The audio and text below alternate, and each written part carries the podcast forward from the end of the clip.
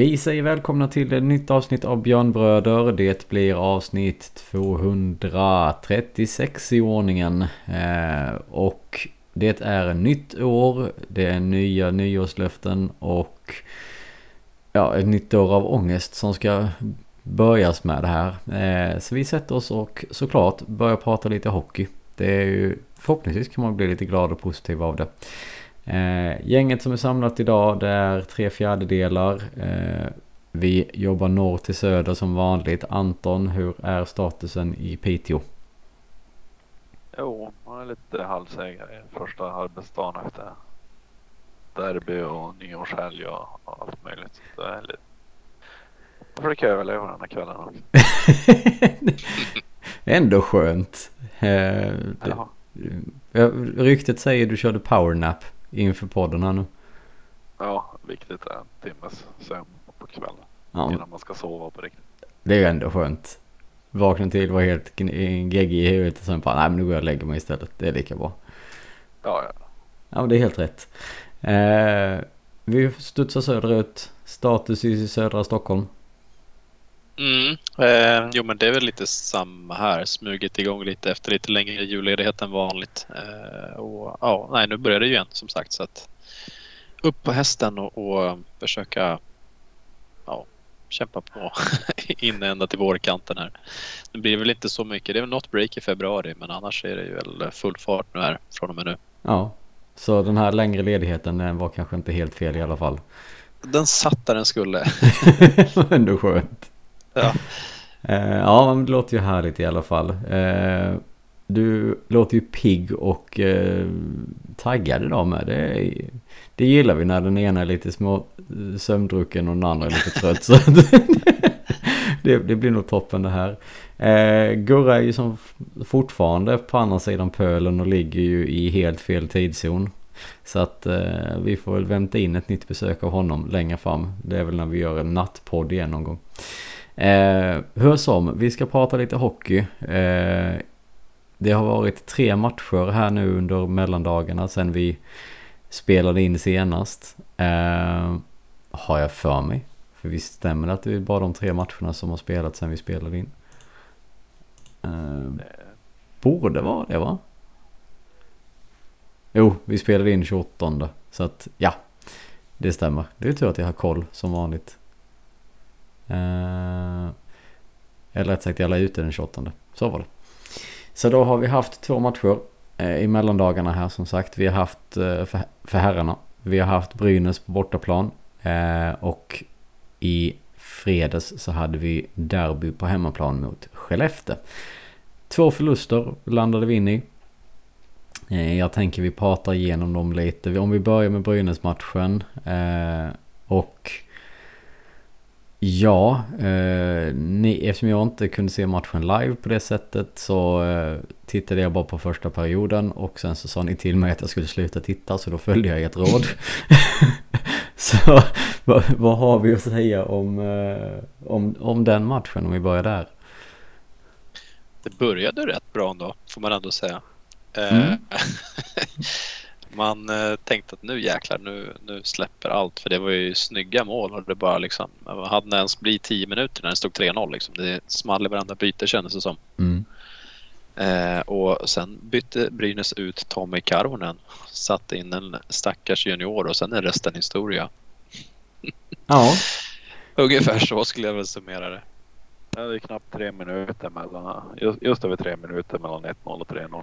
Eh. Mm. Och sen är det ju andra perioden som är ett riktigt haveri. Ja, vad hände där egentligen? Men, allt går ju in. Ja. Och varför inte Bulan kan uh, göra samma drag och, och, byta målvakt. För det rann ju bara på. Uh, Lasse var inte direkt i zonen den matchen om man är snäll. Ja, nej, det var sen inte alls. Några, sen är det några jobbiga styrningar och, och lite sånt där men fortfarande. Uh, gör någonting för att väcka laget när du har släppt fyra mål på efter en 3-0 ledning. Mm. Det, nej, för det alltså. Jag, jag följde ju så, via sociala medier och jag hörde ju så, hörde och såg vad ni skrev liksom. Det var, det var jättebra i början. Sen var det någon som skrev ja det här, vi hamnade i den klassiska 3-0 fällan och sen så förstod jag att det hade rasat efteråt. Eh, men, men du är ju inne på något intressant där eh, Anton just det här med att de byter Brynäs byter målvakt efter 10 minuter eftersom han inte tar eh, Han kan inte fånga badbollar mer eller mindre. Eh, hur mycket förtroende har truppen för vad? Inte jättemycket förmodligen. Alltså det är, ju- han har ju fått sina chanser och det har inte funkat de matcherna han har stått i, i SHL då. Så att eh, nej, jag, det Nog tusan så är man nog lite mer eh, oroad som back med honom i målen än Lassinantti i mål. Mm. Men är det på grund av att Bulan och gänget inte har låtit honom spela och faktiskt komma in i det? Eh, eller är det... Eh, eller är det något större problem som ligger bakom, alltså rent kompetensmässigt om man säger som så? För man ska ju ändå vara Det största, det största problemet är väl att laget defensivt inte håller ihop som det har gjort förut. Då har Mm. man kunnat humpa in en lite orutinerad kille och, och han har fått en jäkla hjälp av laget. mm, Jag menar Lassinantti är ju inte så 62 procents dålig målvakt mot Brynäs. nej. Eh, Men eh, de får, de får de lägena de får och sätter puckarna enkelt. Ja. För det är det han landar in på i slutändan, 62,5 procent i räddningar. Ja, det är nog någon form av rekord för, för hans del. Ja, det känns som ett rekord rent generellt också. För det kan inte vara... Alltså för att stå en hel match tänker jag. Mm. Nej, det är fruktansvärt dåligt. Och det är som sagt, det jag tänker är liksom... Nu såg jag inte matchen så jag, ska, jag kan ju egentligen inte uttala mig på det sättet. Men det jag tänker är ju liksom... När, efter två perioder som du säger, liksom varför inte bara göra någonting? Vad är oddsen att de ska göra en mirakelvändning? Den är inte jättestor och då är det kanske bättre att sätta in vad som får ge honom lite minuter när det ändå liksom spelet hackar och inte går riktigt som det ska. Det är väl att man bara har ett måls underläge och man vågar inte chansa. Eller göra just den grejen i det läget. Så du tror att de hade gjort det om det hade varit fler mål? Ja, om man inte hade haft häng på, på Brynäs tror jag faktiskt att man kanske hade gjort det. Då hade det stått 4-1 eller 4-0 eller någonting. Ja. Tror jag chansen är större att man hade tagit av för att vila Lassinantti också. Mm. Mm. Ja men det är sant kanske. Så det... Ja. Men... Med tanke på att som sagt att han inte hade någon jättebra dag då och det...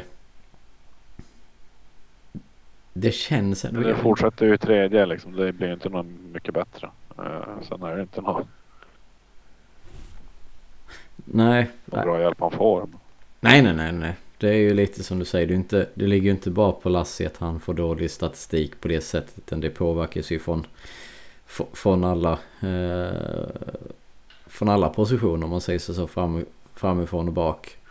Så det är ju det är lite tveksamt på hela, hela sättet och hela hanteringen tycker jag. Men ja, ja. Jag ska inte säga någonting som sagt. Jag har inte sett det. Eh, men var känslan att de var så pass dåliga som 7-4 säger? Alltså både ja och nej. Om vi, om vi stryker första tio. Ja, alltså. Det kändes ju lite som att eh, ja, första tio så går allt in för, för oss och sen eh, så går lite allt in för dem. Alltså det känns som att det varit väldigt stora siffror egentligen eh, i förhållande till målchanser. Liksom. Mm. Eh, men ja, ja, rättvist skulle jag väl ändå säga att det, att det var i slutändan. Sen vi har ju en fem minuters powerplay där med chansen att faktiskt rädda poäng eh, och gör det inte. Så då, då är det väl bara liksom att, ja, Nej, man tänkte lite, vi hade fått 5-4 målet innan och, och Exakt. och fem minuter powerplay där man tänker att kvitterar vi det här då, då kommer vi ju ta poäng. mm, det var ju känslan. Då släpper man in 6-4 direkt i powerplay till slut. Mm. Och då är det ju över. Mm. Eh, ja, men som sagt ett... Eh, ska vi kalla det... Är det ett debacle eller ett halvt debacle med tanke på att de ändå gjorde tre mål ganska snabbt i början eller? Hur... eh, Hur ska vi benämna? Nej, det är ju ett, det är ju ett riktigt haveri eftersom att man leder med 3-0 från början och ska kunna stänga igen. Mm. Brynäs Ja. inte ens få målchansen att göra sju mål. Nej. Eh, de har redan leder med tre. Från början. Nej, så är det ju. Bjöd ju in Brynäs lite där i botten striden också. Just eh, det är fel lag liksom att förlora mot när, när läget är som det är. Så att det är klart att det måste skrivas som ett debacle eller liksom ett, ett ras rent av. Mm. Eh, Så är det. Jo, alltså hade det varit mot något av topplagen. Hade det varit mot Skellefteå då hade det inte varit samma. Eller hade det varit mot Växjö. Nej, precis. Då hade det inte varit lika illa. Inte bra men det hade inte varit lika illa som att göra mot de som ligger efter oss. Mm. Nej, nej men... Eh, illa kan vi väl sammanfatta det då. Rent generellt. Ja. Eh, har vi mer att nämna om kring den matchen eller ska vi hoppa på nästa förlust? Vi går på nästa. Det var i alla fall lite bättre spel i den matchen. ja. Då byter vi. Eh, vi skickar fram dagen två dagar längre fram. Fredag kväll i Delfinen. Inte ofta det händer. Eh, derby mot Skellefteå. Eh, och en ny förlust efter straffar. Mot detta laget. Eh, vad säger vi då om, om den här matchen istället? Om, du, du är inne på det. Du tycker det är bättre spel eh, från början. Alltså totalt sett. Eh, från Luleås sida gissar jag. Ja, absolut. Jo, men det, det tycker jag. Eh, det, det känns som att man var lite mer påkopplad och liksom dels förbannad från tappet senast och sen även liksom att ja, men det är ändå rivalmöte och, och sådär va. Så att eh, det kändes som att man var mer taggade och jag tycker att det såg bättre ut också. Sen är ju Skellefteå har ju ett vasst passningsspel alltså som vi inte riktigt kan matcha. Men, men annars tycker jag ändå det såg eh, Visst, de tar ledningen med 2-0 Skellefteå. Då tänker man ju redan att det, alltså min förhoppning inför matchen var att det inte skulle bli tvåsiffrigt. Jag var duktigt pessimistisk innan den här. Jag trodde det skulle dra iväg ordentligt med deras rekordstreak och allt som de jagar i Skellefteå liksom. Mm. Eh, så att ja, nej, och efter 2-0 i första så kände man väl att ja, eh, tyckte inte det speglade riktigt matchbilden i perioden men ändå stod det 2-0 och så kändes det som att eh, ja, det blir en sån dag igen då liksom. Mm. Eh.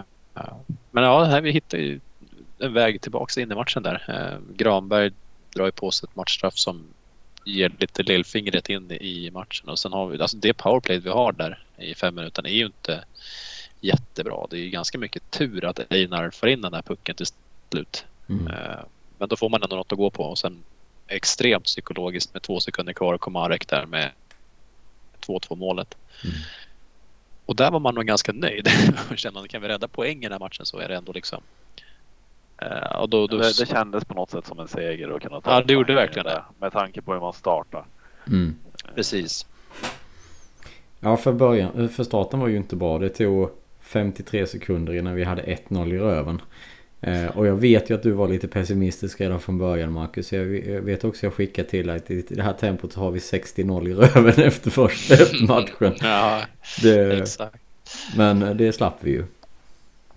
Ja, det känns som att det är ofta den här säsongen som det har varit liksom ja, men 20 bra minuter, 40 bra minuter men sällan 60 liksom. Alltså antingen har vi gett bort den första, andra period och sen har vi varit dåliga i slutet. Så det, det är liksom mm, jag vet inte vad det är men det känns som att de har svårt att, att prestera liksom jämnt under en hel, hel match så att säga. Mm. Men det är det inte lite som så att det, eh, som du säger, att just det här att vi inte presterar under 60 minuter. Det är ju svårt att göra rent generellt. Det, vi kanske gjorde det mer förra säsongen. Eh, då hade vi liksom ett, ett tryggare nivå på det. Men det känns som att även om du inte liksom driver matchen i 60 minuter så har du ändå momentumet i större delen av det. Men här är det ju eh, nivåerna mellan eh, att driva, driva matchen och inte göra det. Det, här, det känns som den, den kurvan och den svängningen blev väldigt mycket större i år än vad den var till exempel förra året. Mm. Att de, alltså det blir mer jobb, jobbigt för dem att kom, De behöver jobba sig till momentumet mer nu än vad de gjorde, har behövt tidigare. Ja, och, och, det är ju så när man inte har den spetsen som kan ge lite gratis mål och, och liksom trygghet i det. Eh, man får ju slita oerhört hårt för att göra de här målen. Det, det är som man eh, gör. Det är inte de här gratis eh, målen eller vad man ska säga som uppstår när någon omark typ gör en liksom soloprestation utan det, man får slita eh, någon jävulst och det gör väl att man blir alltså, trött också. Man mm. eh, orkar liksom inte. Nej. Nej, det är men... känslan jag har i alla fall. Nej men så är det ju. Hur, hur upplever du matchen eh, Anton? Hur tänker du kring, kring resultatet? Och du, sa, du var inne på det, att det kändes som en vinst att få med sig en pinne. Ja, det blir ju så i slutändan liksom. Folk är ju upp eh, redan vid 2-0 mål och det blev väldigt mycket luft på läktaren. Eh, och, och fortsatte vara det i resten av matchen. Så jag undrar hur många som gick hem där egentligen. Det kändes som det var en, eh, en, alltså en, en stor del. För, för jag tänkte faktiskt på samma sak som du. Eh, just att på de här matcherna vanligtvis så brukar man ju förstå som en alltså, packad sill. Liksom trängas och knappt kunna röra på sig. Och, eh, nu var det ju väldigt mycket yta för alla att stå liksom. Man kunde halvt stå och dansa. Ja liksom. men från början var det ändå ganska fullt. Mm det var inte mycket tom yta även om man inte stod som packade sillar. Nej, nej, nej. Men sen eh, ja, vid 2-0 där nere där jag står, där var det väldigt, väldigt många som gick. Mm. Och, och, inte kom tillbaka. Nej, det, de kände väl att det kanske inte skulle gå vägen och ville inte se raset längre. Men det är ju ändå någonting som, som sagt som, som man ska ta med sig, som laget får ta med sig, just det faktum att de faktiskt kommer tillbaka i andra perioden och eh, kvittera. Ja, jag tycker faktiskt att man spelar bättre än Skellefteå i tredje också. Och, mm. hade kanske med lite tur kunnat få in en puck där. Men, eh, sen låter de det gå till straffar och där vinner vi inga matcher. Nej, där har vi ju inte en suck oavsett vilket lag vi möter. Eh, alltså vad, vad var statistiken? Jag hörde någonting. Var det en på 20? Ja. Något sånt. Eh, en på 20. Det, det är 5% straffutdelning. Det kan nog aldrig ha hänt innan. Eh, inte med den mängden straffar i alla fall. Nej. Det är anmärkningsvärt. Men det säger rätt mycket om Luleå när Leo Komarov leder skytteligan och har gjort ett mål på 20 straffar. Så det, det är liksom... Allting finns summerat där någonstans. Vi har pinpointat problemet så att säga. Ja, det är rätt uppenbart vad det är som behövs eller vad som saknas i årets upplaga. Mm. Eh, det är ju så. Eh, sen vet jag att det har ju varit mycket diskussioner kring eh, vilka som får lägga straffar också. Det, jag är väl också en av de som är lite frågande många gånger till varför man skickar fram den och den och inte den. Eh, alltså, som Connolly, han är trots allt den enda som har gjort mål. Han borde ju få lägga varje gång åtminstone. Mm. uh, men lite så. Uh, den har väl inte uh, Kempe heller fått chansen att lägga någon. Nej, och han är ju ändå värvad lite för att göra alltså den typen av grejer liksom. Och en sån typ av spelare så absolut så borde han få, få lägga. Eh, men ja, nej, snart har de inte så många kvar och, och, och lufta i straffläggning så att. Eh, ja, ut med greppa bara. Ja, verkligen. Det kan inte bli jag mycket sämre. Om rätt, jag vet inte om det är rätt att byta hela tiden heller. Eh, jag tycker man byter straffskyttar nästan till varje match. Mm. Ja, är det inte bättre att tro på, på två, tre stycken som man i alla fall två som kanske får slå några straffar i alla fall innan man blir petad. Mm. mm. Men inte både... rulla på rullande schema och bara köra. Precis. Alltså brukar det inte vara som så att man har två, tre, kanske ja, i mesta fall upp till fem stycken som brukar vara liksom de här ska vi kalla dem som går under epitetet ordinarie straff, straffskyttar om man säger som så eller straffläggare. Eh, det känns som liksom att det borde vara det mest naturliga att ha dem, låta dem träna lite extra på just den delen och eh, verkligen ge dem möjligheten, precis som du säger, och inte byta ut dem den första gången. Men, eh, om man missar en gång på det sättet. Men att man i alla fall har den, den liten, ska vi kalla den en kärna som får, får ett större förtroende. För det är ju lite också eh, som jag tänker att det är ju lite upp till eh, hur, hur, hur het man har varit i matchen också. Det, det, sånt påverkar väl kanske lite, ännu mer i, i hockey än till exempel i fotboll. Eh, mm. Tänker jag spontant. Eh, för där kan du komma in och, och sitta på bänken i, i 119 minuter och gå in och lägga en straff och göra mål. Lite enklare än vad det är att göra, sitta kall och göra hockeymål liksom på det sättet. Det, det, det är bara så jag upplever det och känner det. Men att man i alla fall har en grupp som man kan ge ett förtroende och säga liksom att det är ni, det är ni fem som kommer snurra, det kommer snurra mellan er. Jag kommer välja de tre som är hetast för det, i den matchen. Men ni kommer få era chanser. Mm. Ja, jag är helt på den idén också att man liksom mer väljer ut. Nu är det så här att det är ni, det är ni som får förtroendet. Det är, hela laget har provat och ingen har gjort mål. Så nu är det ni som får ansvaret liksom. Ja. Eh, och kör lite extra på träning kanske med, med just den biten och sådär. Det låter väl som ett ypperligt förslag tycker jag. Ja, man, alltså jag tänker att det borde vara det mest rimliga och då landar man ju in i det som du var inne på Anton också. Just det här att man ger dem möjligheten att misslyckas men ändå få möjligheten, alltså få flera mm. chanser. Och det... Ja men precis. Så att, ja. Vi har ju spelare som ska vara eh, poängspelare. Det är väl lätt att plocka ut fem av dem och, och säga det är ni som har chansen. Ja. Precis, för det, den, den enda som jag tänkte på i denna straffläggningen som jag bara kände att ja men här finns ju ingen eh, Han har ju ingenting att förlora egentligen. Det var ju när de slängde in eh, eh, Vem var det de slängde in i slutet? Nico Petr. Ja men precis. Han, han... Ja jag menar, det tänkte det var väl den enda som förtjänade att lägga en straff för den där matchen. Av de som fick slå straffar. Ja. Jag är benägen att hålla med. För, det, för han visade ändå under matchen också som du säger framfötterna lite och, och eh, gjorde lite gjorde så att det blev lite farligt i alla fall för, för oss eh, i offensiv zon. Så att mm. ja, jag vet inte. Det, sen är det lätt att sitta här också. Det ska man väl ändå säga också att vi kan sitta och spåna hej vilt och sen är det en jävla skillnad att stå i båset och ta de här besluten när de väl ska göras. Men har du en grund, alltså än en gång, man kommer ändå tillbaka till det. Har du en, grund, en grundfilosofi och en grundbas att stå på. Ja. Då har man ju liksom lite bättre ut, utgångsläge. För jag tänker lite som så här med att vissa spelare kanske inte vill lägga straffar. Och så blir de uppkallade och säger att du ska lägga. Mm. Det är ju ingen bra, det är ju inget bra alternativ från början heller. Nej, alltså de här 20 straffarna det, det är fördelat på 13 spelare. Så det, det, det är ju mycket liksom. Ja, det hade nog inte skadat att, att låta fler köra samma. Det, det känns som en, en rimlig approach framförallt eftersom hur, hur det har gått nu då liksom. Ja. Eh, av de som inte har lagt så är det väl egentligen inte Jonas Berglund, Tommy Sallinen, Rask. Det är väl de vi ska skicka fram nästa, nästa straffläggning. Ja. Eh, men av nyfikenhet, vilka hade ni velat se om, vi, om ni får välja ut fem stycken som har den här basen då? Som ska vara straff, straffskyttar eller straffläggare.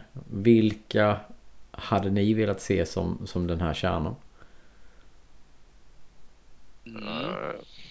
Rent så hade jag väl tagit Brännström, Connolly, Honka, eh, Einar och Kempe. Ja. Mm. Jag är beredd att skriva under den listan också. Kanske att jag hade velat ha in eh, Kinnemin istället för Honkare. Eh, bara baserat på magkänsla utan ingenting annat. jag tänkte precis fråga. Alltså. Ja, nej, det finns inget statistiskt som överväger det. Eller som, det, det var bara magkänslan som kände att han... Eh, jag vet inte, det hade varit kul att kolla liksom vem som har gjort flest frilägesmål i, i laget. Eh, alltså under ordinarie tid. Mm. Och bara liksom ta en sån kille. Som, du har ändå gjort flest i laget liksom, så att då får du köra straffarna också. Alltså typ något sån form av urval kan man också göra. Ja, de visar ju... Det är väl typ Brännström, höll jag på att säga. Ja, det måste ju vara det. Det måste absolut vara det. Spontant så utan att kolla. Så känns det ju så. Ja, det, det, så är det säkert. Ja, det underlättade ju inte igår då i fredags att han inte var med överhuvudtaget. Så att... Nej. Det, det, det försvårade lite. Annars hade han kanske fått vara en av de som lägger. Skulle jag ju gissa. Men det vet man ju inte. Du, vad sa du? Det var 13 olika på, på 20 straffar. Mm, ja. Exakt. Ja. Det är bara tre spelare som har gjort mer än en straff. Det är Fröberg, Komarek och Connolly. Ja. Och då gissar jag att det är Connolly som har fått lägga flest straffar. Mm. Fyra stycken och så ett mål då. Ja. Ja. Det, det är lite, lite spännande. Eh, men, men som sagt, titt, om vi då tittar på helheten på matchen. Eh, som sagt förlust igen. Men, men det var ändå en, en förlust med, ska vi säga, goda intentioner. Ja, det är en match man rycker upp sig istället för att vika ner sig eh, från start. Liksom. Mm. Man kämpar sig till en kvittering istället för att tappa som man gjorde när det är Gävle. Släpper allt liksom. Ja, precis. Mm. Eh, Ja, det är ju nog någonting man får ta med sig som, som positivt härifrån då, helt enkelt. Ja, jag gillade slitet eller tä- tävlingen. Liksom. Man såg att de eh, tävlade. Vilket hockeyord egentligen. Men, men, men, det, men det, jag, jag tycker att de gjorde det i alla fall. Och jag hoppas att de fortsätter med det nu i, framöver här. Mm. Eh, om de kan ta med sig den arbetsinsatsen så eh, kanske man kan ta någon poäng i alla fall. Men det är det som liksom om man kollar på matcherna man har vunnit så är det då de matcherna man har tävlat som, är, som bäst liksom. När det är Mm. Karlstad när man vinner med 1-0 och, och de andra eh, tidigare matcherna man har vunnit. Man, Mm. man tävlar bättre än motståndare och Mm. det ger ju resultat. Jo men så Ja. det. är ju det är en ganska enkel matte egentligen om man tänker som så men det, det är kanske lite svårare att utföra då helt enkelt. Eh, jag, jag tänker som så för jag, jag gjorde lite intervjuer efter matchen. Eh, bland annat så pratade jag lite med eh, med strid. Jag tänker om vi gör som så, vi slänger in den eh, intervjun. För där var ju ändå lite efter den här matchen, då blev det lite diskussioner just det här kring hur ser de på situationen och hur ser de på eh, framförallt ledarstaben då på, på det här att supportrar och, och vi bland annat då är lite eh, ska vi säga pessimistiska till situationen om man uttrycker det så. Eh, så jag tänker vi kör den och så kan vi bara prata lite för han, där är en sak som jag tänker på kring i den här intervjun. Eh, jag tror att du Marcus var inne på samma sak också när du hörde den för, tidigare här. Eh, så jag tänker vi kan ta och diskutera det lite längre fram. Men vi kör igång den så ser vi för vad, vad Strid sa efter matchen. Jag då med strid efter matchen här, derbyt. Vad är spontana känslan, tankarna efter matchen? Eh, spontant är det ju alltid tråkigt att förlora men jag tycker eh, arbetsinsatsen och det, det vi visar upp, eller grabbarna visar upp idag, det, det, det gör mig glad. Jag tycker vi kommer ut, vi visar en otrolig närvaro, vi, vi spelar en hockey som eh, jag tror inte bara vi utan de som var här och betalade biljetter också vill se. Där vi, där vi eh, spelar med lite fysik, vi åker mycket skridskor, vi jobbar hårt för varann. Och det, det, eh, jag tycker inte det syndes att det, det var ett lag som tappade en 3-0-ledning eh, sist på matchen i, idag där ute. Trots att Skellefteå får två, två ganska snabba mål så tycker jag vi fortsätter att kriga på och gör det bra. Skönt att vi får göra 2-1, 2-2. Eh, drömscenariot hade jag Einar avgjort där i, i slutsekunderna. Men, men eh, eh, surt att förlora men vi får ta med oss många bra saker tycker jag från matchen. Fortsätter vi att spela så här och med den här arbetsinsatsen och den här offerviljan, skridskoåkningen, fysiska spelet och då kommer vi vinna fler matcher. Inte i år för det finns ingen kvar men, nästa, men nästa år. Ja, precis. Man får sikta framåt här nu efter de kommande timmarna. Eh, hur, hur ser ni på ledarstab, från ledarna håll här? Att det går lite upp och ner om man säger så i, i, spelet och eh, känslan kring, kring säsongen fram till just nu om man säger så. Ja, det är väl ingenting vi är nöjd med och vi har ju tittat mycket på det. Alltså, vi har ju pendlat, alltså i, press, i, i, i spel kan man ju gå upp och ner. Det vi, vi pendlar ju också i prestationer tycker vi och det, det är väl det som vi eh, tittar på och försöker rätta till och har haft eh, ganska mycket möten på slutet och prata om vad vi gör och vad vi, eh, vi måste nog förstå lite grann eh, våran identitet, förstå, alla måste förstå vilken typ av hockeyspelare man är och gå ut och spela efter de förutsättningarna. Eh, och det måste ju vi hjälpa killarna med. Eh, om, om ja, hjälpa att hitta rätt väg naturligtvis. Att vi är ju inte på någonstans nöjd med, med att vi är så mycket upp och ner eh, i matcher och kanske också hela, alltså vi kan ju, jag tycker eh, vi kan ju vara riktigt bra en halv match och sen kan vi falla tillbaka i lite, lite sämre spel då i en match och det vill vi inte heller vara. Men vi hoppas vi kan rätta till det här nu när vi kommer in i ett nytt år. Eh, som supporterskaran börjar ju känna mer från, från förra säsongen när vi var i final och var mm. väldigt nära guldet mm. till att nu nästan tampas lite om att riskera att åka ner i en mm inte slutspelsstrid fast mm. negativt om man uttrycker mm. det så. Mm. Eh, vad kan du säga till, till de supportrarna som börjar bli lite frustrerade och oroliga? Eh, ja, det är klart att det, det, det, kan man väl ha en viss förståelse för, men vi, vi, vi kan ju inte jobba, vi kan inte jobba efter Alltså vi kan inte titta på serietabellen varje dag och liksom jobba ut efter det utan vi måste ju jobba efter, ut efter våra prestationer, vad gör vi bra, vad gör vi mindre bra och så jobba vidare och ta oss steg för steg. Som jag sa, gör vi sådana här prestationer då kommer vi vinna fler matcher. Sen, först, sen eh, delas det ju fortfarande inte ut något SM-guld i, i, på den här sidan av, av, av eh, eh, året eller av säsongen men det är klart att Eh, Eh, vi, vi, måste bli bättre som lag om vi ska vara med och tampas i, i slutet av säsongen.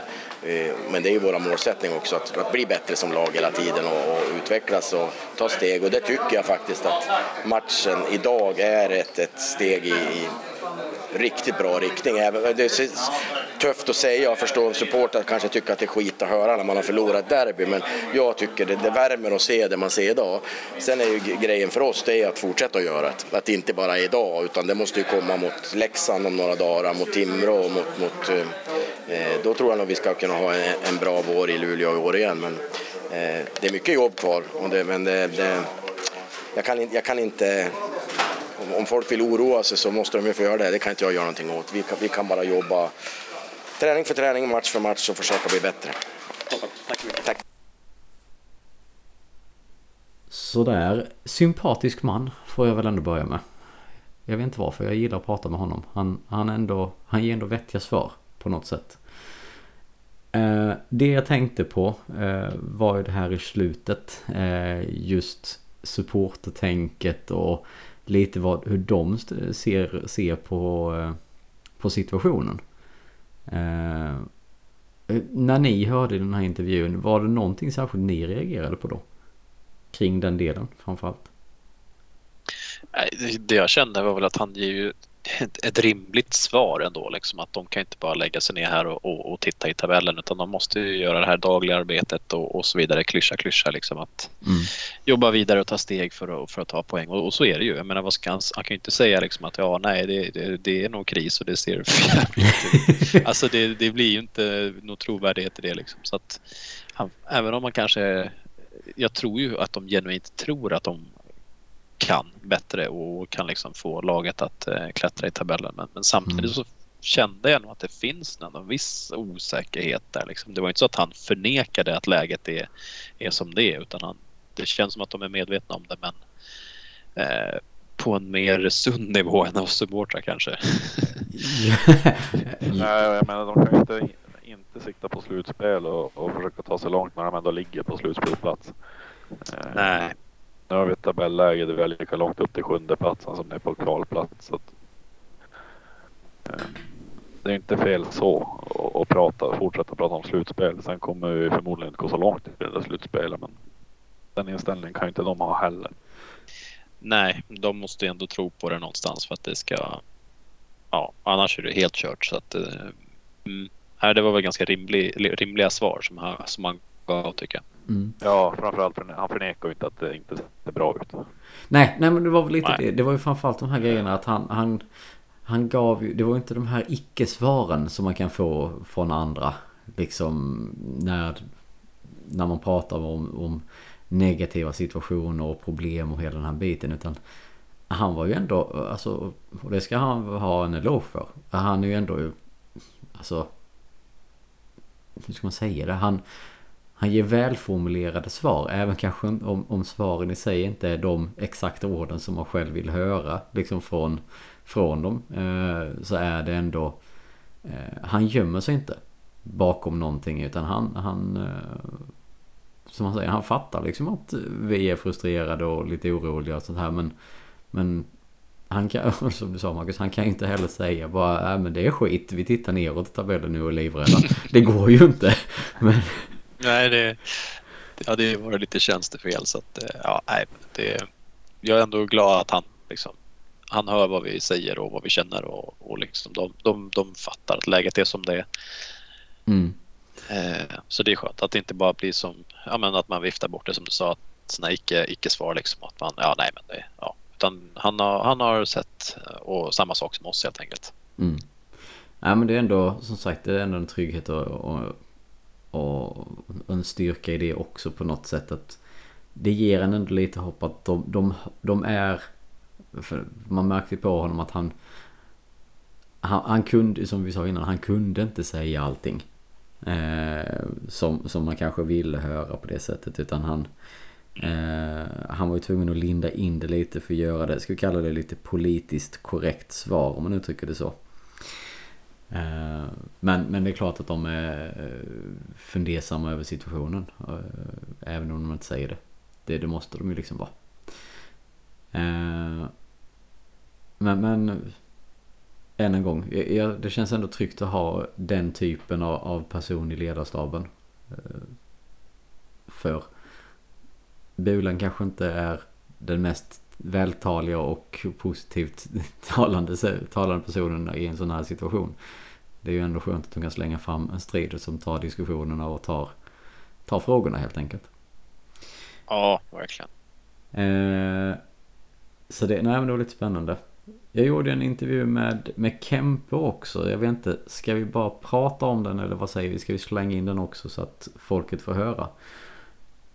Nej men kör den, det är väl kul för, för eh, alla att höra vad han hade att säga. Ja men då kör vi den också, då kommer den här. Eh, står, ja, Mario sitter efter matchen här. Eh, vad är dina tankar och känslor och reflektioner efter derbyförlusten på straffar mot Skellefteå här? Äh, nej, men det är väl tungt såklart. Man hade gärna vunnit och eh, tagit extra poängen. Eh, så det, just nu är det väl tungt som det är att förlora matcher och speciellt ett derby känns väl lite extra. Så, det, så är det. Eh, hur upplever du och känner du egen insatsen under, dag, under dagen till att börja med? Jag vet inte, jag har väl lite chanser, skapar väl lite, men det, det är väl ingen, ingen, eh, vad ska jag säga, så länge man inte sätter dem så, så är det ju inte, nästan till ingen nytta känns det som. Men det, man har varit i den situationen och jag har inte spelat på länge så att jag, ändå så, så länge som jag får målchanser så, så hoppas jag att eh, de kommer börja studsa in till slut och det, det tror jag nog. Och gör de inte det så vore det konstigt. Som sagt, du har kommit in här nu under säsongen till laget och kunnat följa laget lite utifrån från början eh, innan du valde att komma hit. Ja. Eh, hur, är, hur, hur, gick dina tankar inför valet att välja Luleå? Dels som klubb och varför du valde dem och även hur du ser på säsongen som de har presterat fram tills du kom och även de här matcherna som du har varit med. Ja, nej men eh, vi, hade, vi hade kontakt rätt länge, eh, jag och Skuggan. Eh, och som sagt, eh, jag har haft en ganska allvarlig skada så jag har inte riktigt varit redo och då har vi liksom det finns ingen anledning att, att signa någonstans om, om man inte kan hoppa in och spela direkt. Så det var, det var lite anledningen också varför det har dragit ut på tiden. Men det har, hela tiden så har, hade det, känt, har det känts intressant och, och eh, jag har alltid beundrat eh, eh, Luleås krigarvilja och hur, hur, man spelar och man är tuffa att möta och det, det är för, för det mesta nu var det länge sedan jag spelade i SHL, men det är så här, jag kan tänka mig att det är ett lag som man inte vill möta för att det är fysiskt jobbigt att möta och, och liksom bra stämning i, i hallen och allt sånt där. Så det är mycket sådana saker som spelar in. Men, ja, som, som, som jag sa, processen var lite utdragen i och med min skada och var tvungen att vänta tills jag kände mig redo att kunna spela. Eh, och som sagt, hur, hur, hur, känns det nu när du har kommit in i laget? Och, som sagt, jag pratade lite här precis med, med Henrik om, om spelet, att det är lite svajigt om man säger så, både resultatmässigt och spelmässigt. Ja. Eh, hur är det att komma in i ett lag som förra säsongen var liksom i toppen av skiktet och slogs i en sjunde SM-final till att det in ett lag nu som som inte riktigt är på rätt ställe där laget vill vara. Ja, nej, det är ju lite speciellt att komma in i ett lag där man är inne i en negativ trend såklart. Eh, och komma in mitt i en säsong. Eh, så att, eh, ja, det, det, det, har varit speciellt. Och sen, men, men sen får man försöka anpassa sig så, eh, så mycket man kan och försöka bidra med, med, det, med det man kan för att hjälpa, hjälpa laget och komma in på rätt spår och, och sådär. Och försöka, jag vet ju att eh, det, när man hamnar i i såna här eh, förlorarsviter eh, och sånt så är kanske inte självförtroendet där. Jag vill försöka komma in med lite ny energi och, och sådana saker och göra mitt bästa i det. Sen hur bra jag har gjort det vet jag inte men det, det, jag hoppas vi kan vända på det här och blicka framåt mot eh, 2023 och, och börja börja tugga på. Och, för jag menar, intentionerna finns där men det är, det är lite ojämnt eh, fortfarande så att när vi får upp jämnheten så, så, så kan det bli bra. Hur går snacket i laget rent generellt bland spelarna kring, kring situationen som ändå är och att supportrarna är lite frustrerade och lite, ska vi kalla det oroliga också för den delen över, över situationen och placeringen. För de tittar ju mest på tabell om man uttrycker sig i grund borta. Ja, nej men ja, vad, alltså supportrarna, det är väl klart att de är frustrerade men vad, vi är väl mest frustrerade antar jag som spelar. Så att det, det, vi, vi behöver inte prata om vad andra tycker utan vi, vi pratar om vad vi själva eh, tycker. Och vi, vi är väldigt frustrerade över att det går som det går. Och liksom det, vi, vi vill försöka börja ta, eh, kolla oss själva i spegeln och se vad vi kan göra bättre eh, än att man ska börja eh, göra för någon annan för att det är vi inne i, i laget och vi ska försöka få eh, försöka vända på det här och börja vinna. Och, eh, sen, sen det är klart att det, det blir extra press men det är alla, alla är vi professionella så man kan, det är klart man ska spela med press eh, på sig annars vore det konstigt men å andra sidan det är hockey, vi älskar sporten, vi försöker gå ut och njuta och ändå jobba för varandra och, och och liksom det, det, handlar lite om det där också. Det, ibland när, när det går tungt så börjar man krama klubban lite för hårt och så nästan överarbeta situationen, jobbar, jobbar, jobbar och så när man väl får pucken så är man lite trött. Eh, så att eh, det, det gäller att ha en balans där och försöka, försöka jobba men ändå vara, ha lite kyla i skallen och våga, våga spela hockey. Fan, det är en, det är en, eh, det är en sport. Fan, flera miljarder, vi vet inte ens att vi spelar, gå ut och njuta och, och men som jag sa ändå försöka jobba hårt och vinna matcher. Eh, sista frågan då här, som sagt det var derby idag. Hur upplever du stämningen på läktarna? Det, under, en sån här, under matchen, hinner man reflektera?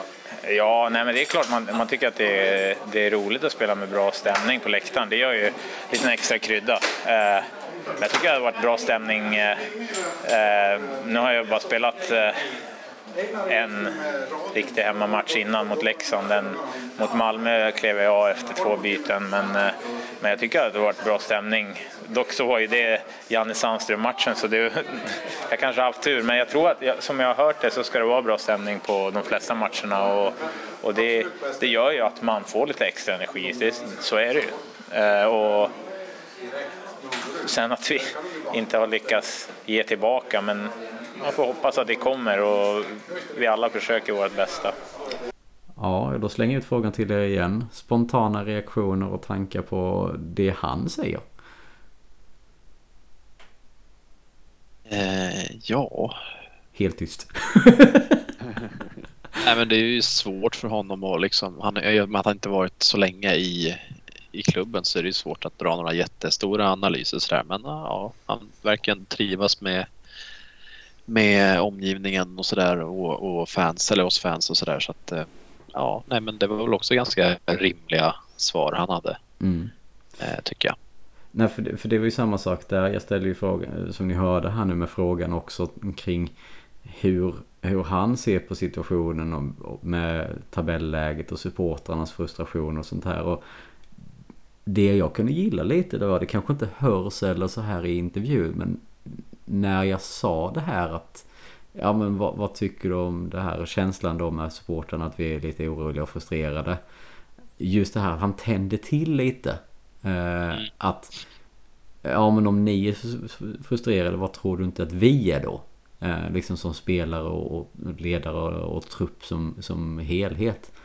Eh, och det var ändå, det, det kändes ändå positivt att, att få den reaktionen. Det var inte någonting som jag var på jakt efter men, men det var ju ändå, eh, det är ändå ett sätt att visa att han bryr sig. Och visst, han har kommit in i efterhand och han, han är ju väl medveten om att laget går lite knackigt när han kommer.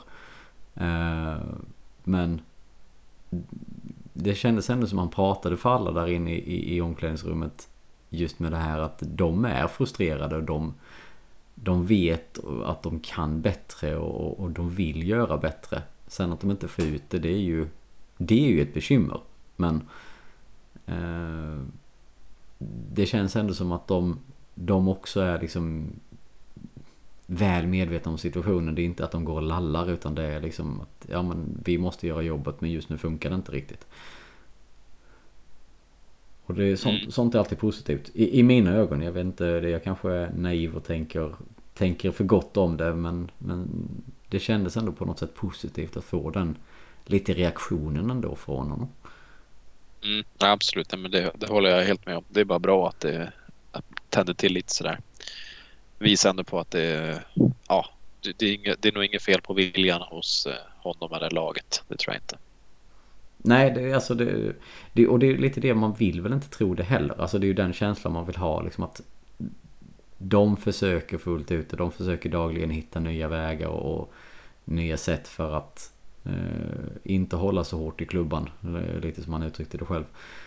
Men... Eh, ja, men det var lite snack om att det är många som är klara för andra klubbar och att man kanske glider runt och väntar på nästa säsong och så vidare. Och så vidare. Men alltså, det, någonstans är det ju ändå liksom tävlingsmänniskor som hatar att förlora så jag tror inte att det, det är liksom inte problemet utan det är nog mer att ja, man måste hitta lite vägar och, vinna helt enkelt tillsammans. Så, så det, jag, tror, jag tror inte det är viljan som har gjort att det ser ut som det gör, verkligen inte.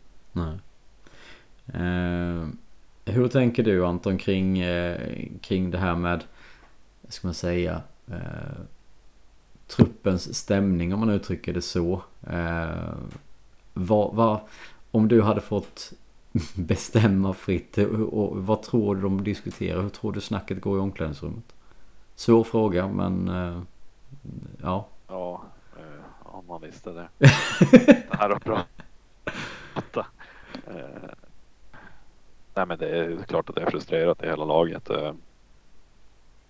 Och man får väl hoppas att när de väl kliver ut på isen och spelar match att de inte tänker på, på något annat än just den här säsongen. Eh, mm. Och, ja. Man, man ser i alla fall vilka som verkligen kämpar och där är väl Kempe en av de som kämpar med att hitta någon sorts form. Eh, han har ju kommit hit och ska spela även nästa. Stämmer. Mm. Stämmer. Eh, så han vill ju inte något annat än att det här ska gå bra liksom. Nej. Eh, det är väl andra spelare man kan fundera på som har sina kontraktsförlängningar eller redan färdiga kontrakt någon annanstans om de går in 100 procent varje match. Eh, när det blir sådana här katastrofala matcher som i Brynäs. Mm. Ja, ja, men precis. Det är sånt som får en att tvivla som supporter. Jo men absolut. absolut. Att man kämpar i, kämpar i kapp ett 2-0 underläge i ett derby. Då, då tvivlar man inte lika mycket. Nej men det visar ju ändå på något sätt vad, vad, att de vill. Eh, eller att vissa vill om man uttrycker det så. Ja men precis. Eh, och den enda som vi verkligen vet är klar för en annat lag. Han är väl en av de som kämpar mest. Så att, eh, och har gjort det bäst över säsongen. Även efter i Brännström. Ja. Ja, det, nej, men som sagt, det, det visar ju, där är ju någon som visar karaktär liksom att uh, han vill inte uh, lämna i, i ett tillfälle när det, liksom när det gått åt skogen. Uh, utan han vill. Nej, precis. Han vill inte att någon ska kunna skylla på han i alla fall att det gick dåligt. Nej, men precis. Jag tycker mer det känns som att många åker omkring och är besvikna över finalförlusten fortfarande i så fall. Mm. Jo men det tror jag nog att den, den sitter nog i fortfarande hos väldigt, väldigt många. Liksom att de kände att de var så pass nära och lite att luften gick ur. Det är svårt att liksom att... Det är svårt att ladda om och, och ja. göra det lika bra igen. Ja men precis. Eh, Och sen mm. har man inte fått uppbackningen med poängspelare som man hade förra säsongen så är det, då blir det jävligt svårt. Ja, nej men det, det är ju en... Som sagt, det är många poäng som har försvunnit. Så att det, det är klart att det måste ju påverka på något sätt. Och som du säger, vi har inte fått in i närheten av, av den typen av spelare som kan göra det. Ja, Kempe är väl den som är närmast om man säger som så. Han har ju ändå kommit in precis i i slutet. Så att, och, Ja och äh, Sellgren har ju inte riktigt eh, varit den Sellgren man kommer ihåg heller. Eh, efter en jäkligt lång tuff säsong borta i USA. Mm. Ja, där, där finns lite utvecklingspotentialer rent generellt om man nu tycker det så. Känns det Ja som i alla fall. Eh, ja, nej men den... eh, det är lite spännande. Det får vi väl ändå säga. eh, vad, som, vad som komma skall. Och det, jag tänkte lite på det här med kontrakt och sånt där. Jag ska bara slänga ut det. För jag hade den här diskussionen i, eh, nu på, eh, faktiskt på nyårsafton. Av en icke hockeyintresserad eh, person. Eller ja, delvis men inte så. Så att de följer hockey rent generellt. Men vi kom in på det här med kontrakt och liknande. Just det här som vi har varit inne på att spelare ska lämna och eh, kanske har signat ny, ny klubb och liksom åker lite på en skridsko och väntar på den säsongen. Eh, Då fick jag en fråga, bara så här som jag aldrig har tänkt på, som mer eller mindre var som så här.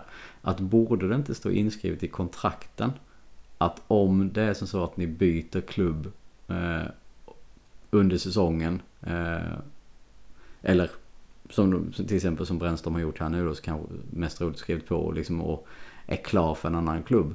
Eh, att det ligger någon typ av vite om de inte, alltså om, om klubben åker ner den, den säsongen. Så att det blir liksom en liten extra press på de spelarna. Jag tror av att de inte får skriva in sånt i, i kontrakten. Nej, det tror jag inte heller. Men jag tänkte, rent, jag tänkte bara rent allmänt. vad- när ni hör det. Låter det vettigt eller var det bara sån här helt galen tanke? Alltså, nå- att någonstans kan jag förstå tanken, men sen vet jag inte tusan om det. Alltså i praktiken, det, hur ska, då måste ju spelarna ha ett fönster där de får skriva kontrakt då. Eh, alltså när det är tillåtet helt enkelt. Och då blir det efter säsong och då blir det svårt kanske för lagen att, att bygga liksom, trupper när man inte får skriva förrän till ett visst datum och så vidare. Eh, så jag tror att det blir praktiskt väldigt svårt att få till. Jo, det är... Ja. Sen, är ju frågan, är det bättre att man inför ett slutspel ska gå och börja fundera på vilket lag man ska spela i nästa säsong? Eller är det bättre att göra det redan på hösten innan? Mm. Man vet att det här året spelar jag här och vi ska vi satsar för det här. Eh, och så nästa år så blir det någonting annat. ja. Menar, ska du börja öppna upp i februari, mars för att kunna skriva nya kontrakt? Eh, eftersom att kontrakten går ut där i sista april eller sista maj. Mm. Eh, då flyttar du verkligen fokus från, från hockeyn och får mycket tajtare Ja, ja, nej alltså. tidsschema på, på när du får göra det. Precis. Jag tror inte det finns en, något, något bra tillfälle att göra de här grejerna om jag säger som så. Eh, utan det var mer det att jag fick en liten så här, mhm, ja, jo, kring tanken och kring frågeställningen. Eh, rent generellt. Och det, ja, jag vet inte.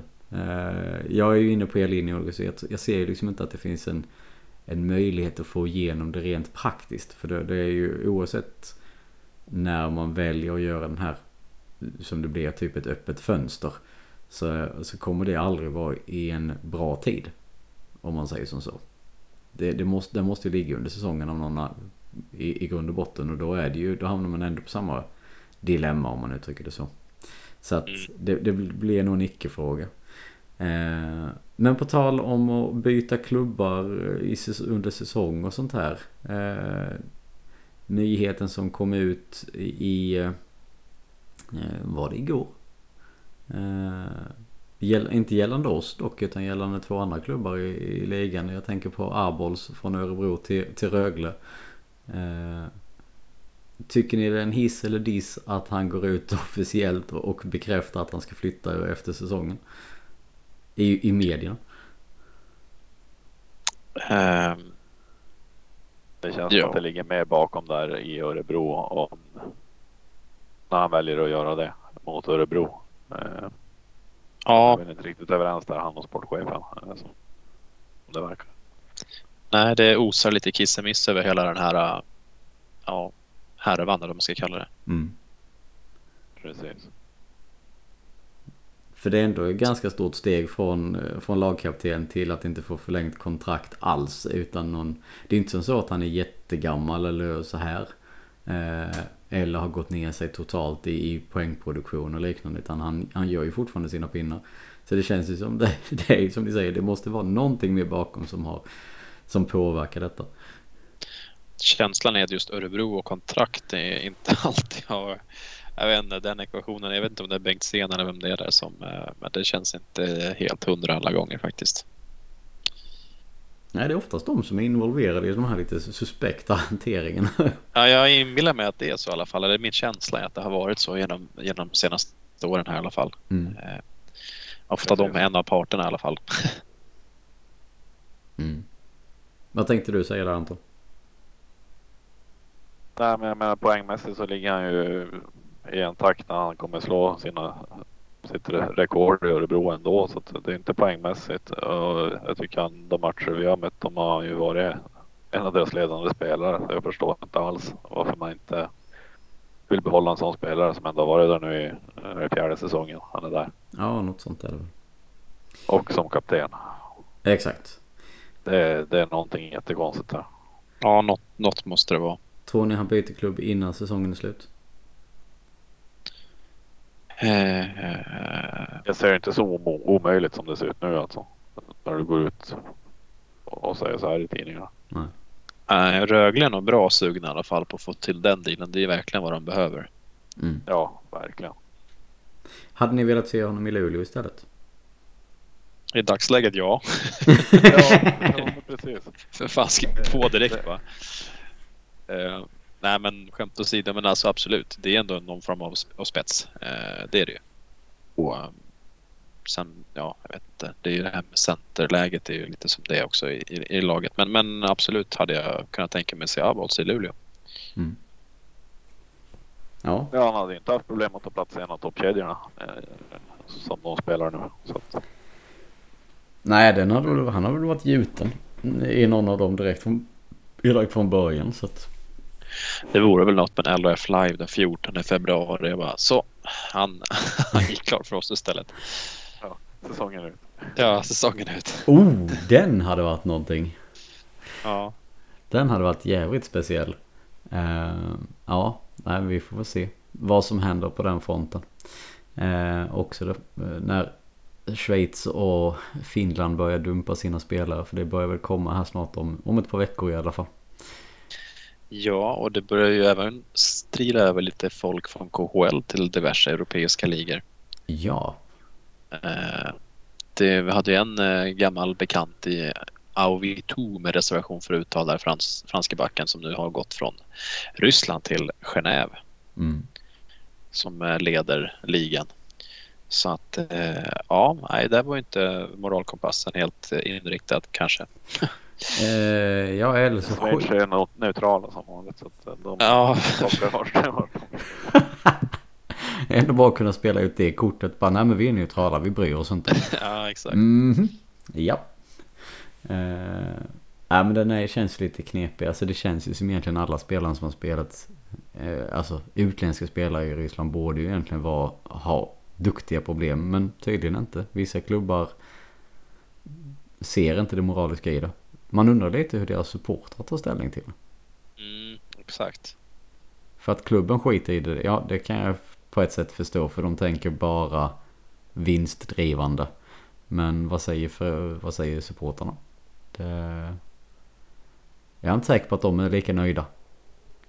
Kring, kring värvningen. Nej, nej det, det finns nog delade meningar där. Mm.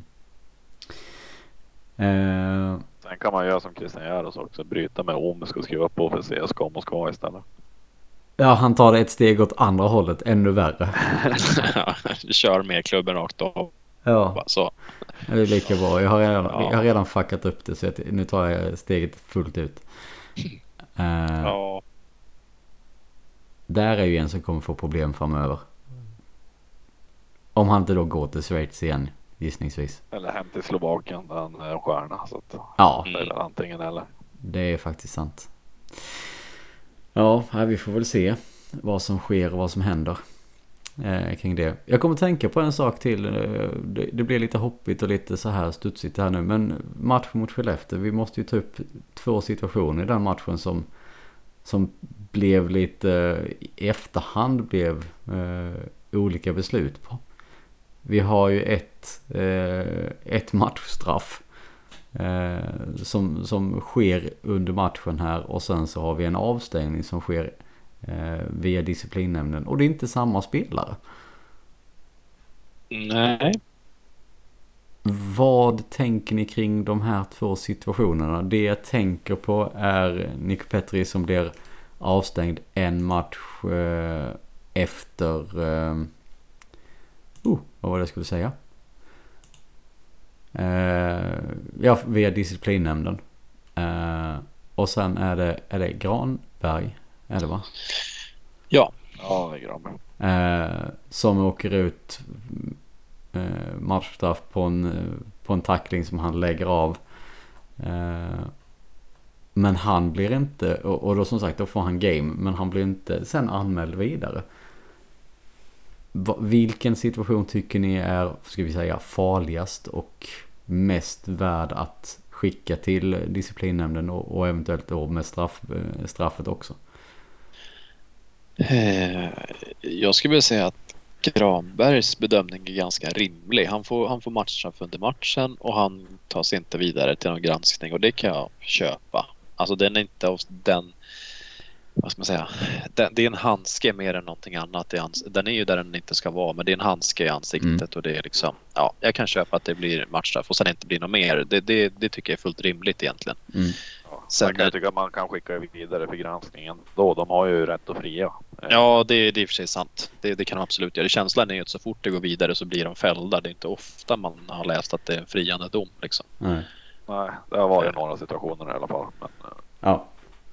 Jag tycker man bör göra det eh, i princip alltid om man inte sen ser att det här var faktiskt felaktigt. Mm. Ja, nej, det har faktiskt en poäng. Det, allt borde faktiskt granskas om, om, man nu, om det nu är spelarnas eh, säkerhet man, man faktiskt vill Ja. slå vakt om. Så. Jag trodde ju faktiskt att det var som så också att när det blev game att det automatiskt gick vidare till granskning. Men så är det ju tror- uppenbarligen inte. Nej, det är väl om det är match penalty tror jag va? Nej, det är väl finns Ah, två olika ja. grader av, i, i det är helvetet så den, att säga. ena, den ena har jag för mig är obligatorisk. Okej, jag tänker Exakt. Jag tro, trodde faktiskt att det var på båda. Men okej. Eh, Men ja, nej, men för att återgå till frågan så men jag, jag tycker väl den, den är väl rimlig den bedömningen eh, eh, enligt mig och sen Nico Petri ser jag oförstående till. Jag kanske är väldigt blåögd eller enögd eller men kalla det vad du vill men, men alltså i min värld är det mer en kollision än någonting annat. Eh, jag hade varit mindre förvånad om Tyrväinens armbåge hade granskats. Det som blir en tvåminutare där i slutet. Mm. Eh, den tycker jag är mer lik liksom Granberg-situationen. Och en femma där, ja det hade väl kanske också kunnat köpa någonstans. Eh, kanske. Men, men just Nico Petri, nej. Det, det tycker jag verkligen inte är någonting faktiskt. Nej, Det han blir, gör blir ju ingenting i matchen heller. Nej, ju Jo, nej liksom. inte den. Han, han åker ju ut i situationen efter. Ja men Jo. det är för bråket efter. Men för själva efteråt. smällen är det ju ingenting. Liksom. Nej. Nej. Och han gör ju inga rörelser eller någonting för att sikta in sig på ett huvud där heller. Så jag förstår ingenting. De, de är två som åker ihop. Sen visst, han kanske ser mot Skellefteå-spelaren men Ja men det är ju lite som... två, två interference. Ja, visst. Ja. Ja, på sin höjd alltså. Jag tycker den är, den är tveksam alltså. Den är, Ja. den är riktigt tveksam. För det är ju som sagt att det är ju... Men jag förstår inte hur de hittar en match där. Nej. Det gör inte jag heller. Nej, det var, ehm, det var intressant. Man har ju sett värre saker som inte har eh, tittats på ens en gång så att man, man blir lite frågan, frågande. Men det, det är ju den här berömda domaren liksom. Mm. Och med det, jag, för jag försöker liksom erinra mig situationen och minnas den liksom. För det, det är ju bara att de åker ju... För det känns som... Eh, han ska, han ska göra en båg, alltså båga mot, mer eller mindre mot båset. Eh, och samtidigt kommer Skellefteåspelaren från andra hållet och ska in i situation, eh, situationen där pucken är vid sargen. Så att det är liksom... Jag ser inte, han, han kan ju omöjligtvis göra den... Eh, och, alltså vara så förutseende att han ska smacka ihop med den här spelaren där och då. Det, för han tittar inte ens åt det hållet, mer eller mindre. Det är det som står lite i domen också om man läser hela liksom utdraget att Nico Petri var, när han får försvara sig själv liksom, så har han ju sagt att det, det är riktningsförändringen som, som eh, Hara är det va? I Ja. Skellefteå gör eh, som, som ställer honom liksom, att det blir en olycklig kollision för att han byter riktning som man inte har väntat sig liksom. Mm. Eh, att syftet, i, eller hur, ja, det var inte tanken att han ens skulle tackla honom från första början. Nej. Eh, men eh, ja, det, det försvaret fick han inte så mycket för utan det blev en match då som sagt. Det var som att tala mot en vägg. Liksom, det är bara, jag, jag, men, jag kan inte göra på så mycket annat sätt. Han, han ändrar riktning. Det blir en olycklig kollision. Det är ju inte som så att han är uppe med några klubbor eller axlar eller någonting. Utan de kör ju verkligen bara ihop. Mm. Och ja, det de går på är att han inte är puckförare och att han inte ska förvänta sig att bli tacklad. Liksom. Att det, alltså, det är en interference situation. Ja, men Blindside har de bedömt till och med säga här. ja men då kan man ju vända på den också. Men då borde ju deras spelare också se till att, undvika liksom situationen. Och han åker ju också rätt in i samma situation. Mm. Ja, den är. Och han, har ju ändå, ju... han tittar ju ändå åt, åt rätt håll. Om man uttrycker det så. Han, han Ja, ser exakt. ju förbi spelaren och puck. Så att, Ja, ja ja. nej, det en, en match får väl vara. Men det, det känns ju inte rätt. Men det Nej. var det. Jävla spännande. Eh, ja, men det var bara jag bara kom på den här nu så jag tänkte vi får plocka upp den med. Eh, vi börjar närma oss timmen. Eh, på sur på två matcher. Det är faktiskt bra jobbat. Eh, och då har vi inte ens pratat om damernas match. De var ju också igång med en hemvändarmatch här i torsdags tror jag det var va? Mot Modo. Eh, vinst såklart. Med- ja, med- vad annars? Precis, med 4-1. Eh, jag missade ju givetvis den här matchen också. Är det någon av er som har sett den? Eh, nej. Eh, då har vi inte så jättemycket att gå på mer än att eh, resultatet landar in på 4-1 och så här. Eh, En okej publiksiffra. Jag hade hoppats på lite mer men 879 eh, personer en ja, torsdag eh, är väl ändå helt okej i ja, den ligan. det får man väl ändå säga. Eh, det ska man också ha med sig att det är ju en... Eh, det var ju en eh, mellandagsmatch där det egentligen var en vanlig veckodag. Det var ju inte någon ledig dag eller någonting sådant. Eh, Nej precis. Så att det var ju liksom arbetsdag på fredagen för, för väldigt många. Och då är det ju, då får man ändå se det som rätt okej siffra. Eh, Ja. har vi någon koll på vem av, vem av målvakterna som stod? För de har ju den här interna fighten. Eh, Sara Gran. Sådär ja. ja.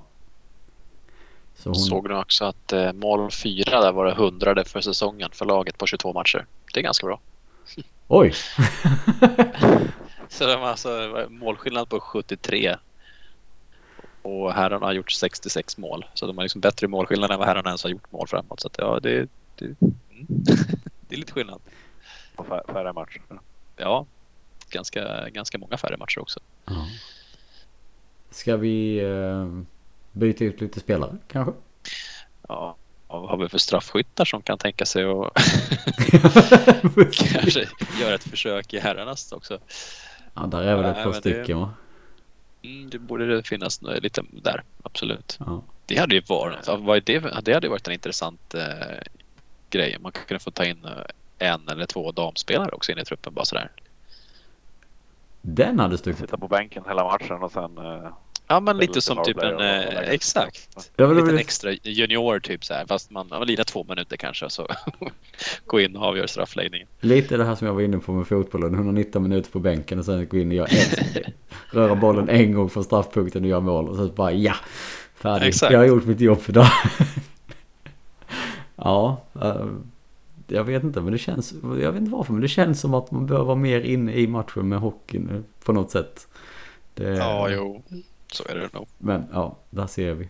Eh, Men eh, det är kul. Norra Toulouse leder poängligan för damerna. hon matar på. Hon matar på. Men Det är ändå bra. Hur många poäng gjorde hon denna matchen då? Vilka svåra frågor du ställer. Ja. Jag var tvungen att gå in och kolla. Två gjorde hon. Eh, Ja. Två assist. Denna matchen. Vad är hon uppe på nu nu då? Eh, 42 poäng på 22 matcher. Ja, det är i och för sig ganska bra. Det är starkt. Ja, det är starkt. Det måste man gärna. Det, det är riktigt bra jobbat. Ja, näst bäst i laget är Petra Nieminen på fjärde plats. Hon har 33 poäng på 22 matcher. Mm. Ja, det, det är väl typ en, en och en halv poäng typ per match någonting. Det, är Ja. ju- det är stabilt det också. Mm. Ja, nej, det, Klart godkänt. definitivt. Definitivt. Eh, hur ser det ut framöver nu då? Om vi bara kastar oss lite här. För jag, jag hör, eh, jag hör tassljud utanför dörren och det innebär att jag troligtvis behöver gå ut och frysa snart. Eh, så vi får börja runda av lite. Tittar vi kommande vecka för herrarna. Eh, Det blir buss. buss! Ja, eller bortaresa i alla fall. Det är väl tre raka bortamatcher. Ja, det blir det. Det blir Leksand imorgon. Eftersom vi spelar in idag på måndag kväll. Eh, Timrå på bortaplan på torsdag och Frölunda på lördag. Det känns ju som att de borde vänt matcherna så att de har haft Timrå, Leksand, Frölunda för enkelheten med transporterna. Men det är väl kanske bara jag som tänker så. Eh, ja, de utgår väl där nerifrån någonstans alltså runt Arlanda. Ja, jo. Jag gissar att man sover på Arlanda och flyger till Göteborg sen. Det är sant. Jag bara tänkte från Lex... Ja, okej. Fine. Ja, det var om de skulle köra buss hela vägen. Men det, det gör de ju såklart inte. Nej. Om de inte rent av flyger hem mellan någon av matcherna. Det kan ju göras det också. Mest troligt. Det blir en intressant eh, liten triplett där mot Frölunda i och med att vi har dem i CHL också där. Ja. Så det blir, vad är det, sista matchen den sjunde va? Och sen är det första då CHL den tionde. Så det är bara några dagar däremellan tills det är match i Göteborg igen. Så jag gissar att laget stannar kvar där nere då. Det gör de väl med stor sannolikhet i så fall. Då skulle jag gissa att de åker hem efter antingen Leksand eller Timrå. Mm. Och tar en dag hemma och sen så lägger de sig där nere i fyra dagar. Liksom för Mm. att... Ja, det vet i fan. De kanske åker hem däremellan. Det är ändå fyra dagar. Ja. Ja. Det, det är ju en icke-fråga. Göteborg, Göteborg är ju en snabb resa eh, Ja, på så sätt. Precis. Så att, ja, vi får väl se hur de gör. Det är inte det som kommer avgöra resultaten ändå, förhoppningsvis. Eh, vad tror ni om resultaten då? Baserat på hur spela, spelet ser ut just nu. Oh, eh, tre bortamatcher, ja. Jag vet inte. Det känns tufft, tycker jag. Mm. Eh, jag ja, mm, magkänslan säger att det, är, att det kanske är den matchen vi har chans att ta lite poäng i, är just Frölunda-matchen där. Mm. Eh, utan något större igen. Eh, fakta bakom, mer magkänsla faktiskt. Men kanske just att de också är, de satsar ju på CHL. Va? De, de vill ju vinna den här skiten igen. Så de kanske tar det lite lugnt mot oss och känner på oss på lördagen där och så. För att köra över oss i CHL sen istället. Mm. Eh, men vi har tre, tre poäng. Tre matcher. Ja, det låter rimligt. Vad tänker du Anton?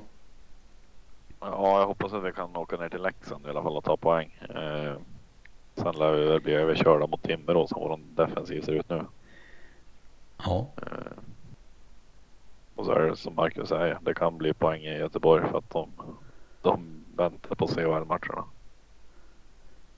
Man kan ju hoppas på det i så fall. Ja, Eh, ja, men då skulle det innebära kanske fyra, fem poäng då någonstans. Eller sex om du räknar med att de tar poäng mot ja det Leksand. blir väl fyra eller, se- fyra eller sex poäng. Va? Ja. Vi vinner ju inte förlängning eller straffar. nej, nej, det är Mm, nej, det kommer inte hända. Sånt håller vi inte på med. Det ju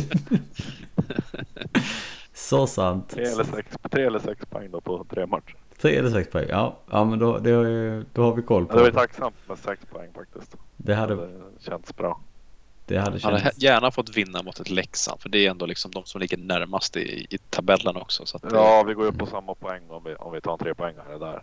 Mm. Eh, så den, den får de hemskt gärna vinna. Det, ja, absolut, även om man är stärkt efter matchen senast så kanske det går. Ja. Vi hoppas. Vi får hålla tummarna helt enkelt där. Eh, jag kollar lite snabbt. Damerna har ju också två matcher. De är ju också på bortaresa denna veckan. Eh, har Djurgården nu på torsdag och Linköping på fredag. Sen har de ju ett uppehåll resten av månaden innan de kommer igång igen. Mer eller mindre. Eh, vad tror ni där då? Sex enkla? Ja, Mm, allt annat vore väl ett underbetyg så som det har sett ut. Det är som sagt, pressen på det blir större och större för varje vecka. liksom, det, är bara, ja, men det ska bara prestera. Så enkelt är det. Ja. Men tänk om de nu går rent hela serien. Vad, vad arga de skulle vara över den här förlusten då. Att det var en match liksom som förstörde allt. Ja, Ja. Den, ja, den blir ju jobbig för dem. Mm. Det har du faktiskt rätt i, jag har inte ens tänkt på. Eh, Nej, det kommer ju Nej. sitta där och, som en nagel i ögat då när säsongen ska summeras. ja. jag tycker att de har spelat en ännu bättre hockey sen Schelin kom in som huvudtränare också. Det är faktiskt imponerande. Mm, verkligen. ja, det, Man anpassar sig mer och mer till det här fysiska spelet på ett riktigt bra sätt. Och de har ju haft spelarna sedan länge också som gillar den typen av spel. Också. Oh, Som, som liksom har, är, ja, har lättare att gå in i den rollen kanske. Så att det, det, det ser ju bra ut om vi uttrycker det så. Finns det tacklingsliga nu i, i SDH? Det hade varit kul att se vilka lag det är som faktiskt har anammat det här regelförändringen mest. Ska vi gissa att vi ligger rätt bra till på den? Ja, det där vill jag. Jag, jag lyckas inte hitta något så jag tror inte det finns att tillgå något sånt. Nej, vad jag vill minnas så ligger de ganska långt efter i, i hur de räknar statistik och sånt där. Eh, Mm. Det är synd. Det har varit en rolig grej att se liksom vilka lag som har ja, men mest liksom tagit eh, tillvara på den här. Eh, att man faktiskt får göra det nu. Ja, det är faktiskt sant. Varför har de inte det? Ja, en bra fråga faktiskt. Jag ska Det är väl en ta- kostnad för ligan gissar jag. Jo, Ja. det är ju det också. Då måste, då måste de ha ju mer, mer eh, ideella krafter runt omkring som sitter och räknar och håller koll på. Eh, det är ju likadant att vi inte har... Eh, ja, har vi istid på någon av dem? Det har vi inte va? Nej. Jag tror att det finns. Eh, Jag har för mig att eh, våran gamla tränare sa att det finns. Okej, ja. Men jag är osäker. det är ju inte någonting som används dagligdags i alla fall. Utan det är väl från, frånsagt så att säga. Eller om det var från klubb till klubb man mätte på, på arenorna. Ja, det kan det vara. Ja, det kan ju vara precis. Det kan ju vara på vilken arena det är också. För jag gissar att vi har möjligheten att erbjuda den, ta fram den statistiken om vi hade velat. Men jag tänker det finns ju andra lag som inte har spelar i samma Nej, typ av hall. precis. De som inte spelar i, i allsvenska eller SHL-hallar har väl inte samma möjlighet. Tänker. Nej, jag skulle tro det. Eh, ja, vi får väl se. Men det, det hade varit intressant att se som du säger Marcus. Det, det, men men jag, bara så här spontant så tror jag att vi ligger rätt bra till på den också. Eh, skulle jag tro. Ja, men eh, då ser vi fram I alla fall, jag kollar tab- äh, skytteligatabellen eller poängtabellen. Vi har sex spelare som snittar över en poäng per match. Ja. Helt okej. Helt okej. Ska vi ha på här i sidan? Ja, jag tänkte säga, där är det inte många som har den, den att visa upp. Nej, verkligen inte. Eh, ja, det är väldigt tacksamt. Vi har alltså, vad har vi då? Är det, jag var tvungen att springa in. Är det 6 av 10 på topp 10? Blir Ja. det då? Perfekt. Det är lite lagom. Eh, ja, men då har vi lite matcher att se fram emot. Helt enkelt här nu. Eh, och så får vi hålla tummarna att damerna ångar på precis som vanligt och herrarna tar, tar rygg och eh, får lite vinster med sig så att de kan få lite bättre självförtroende och byggas, bygga upp sig utifrån det helt enkelt. Mm. Så eh, tänker jag att vi rundar av också. Eh, och eh, ta kväll. Och förbereda oss inför, eh, inför veckan. Resterande del av, av veckan helt enkelt. Eh, så tack för att ni har varit med och surrat. Och tack till alla för att ni har lyssnat på återhörande. Det var den första dagen i resten av vårt liv Det var Erik, Johan, Andersson och jag Det är här man känner vart stigarna går Och man vet vem som är släkt med vem det är här man vet var gäddorna står. Ja, det är hit man kommer när man kommer hem. Du vet, ja det är hit man kommer när man kommer hem. Du vet Ja, det är hit man kommer när man kommer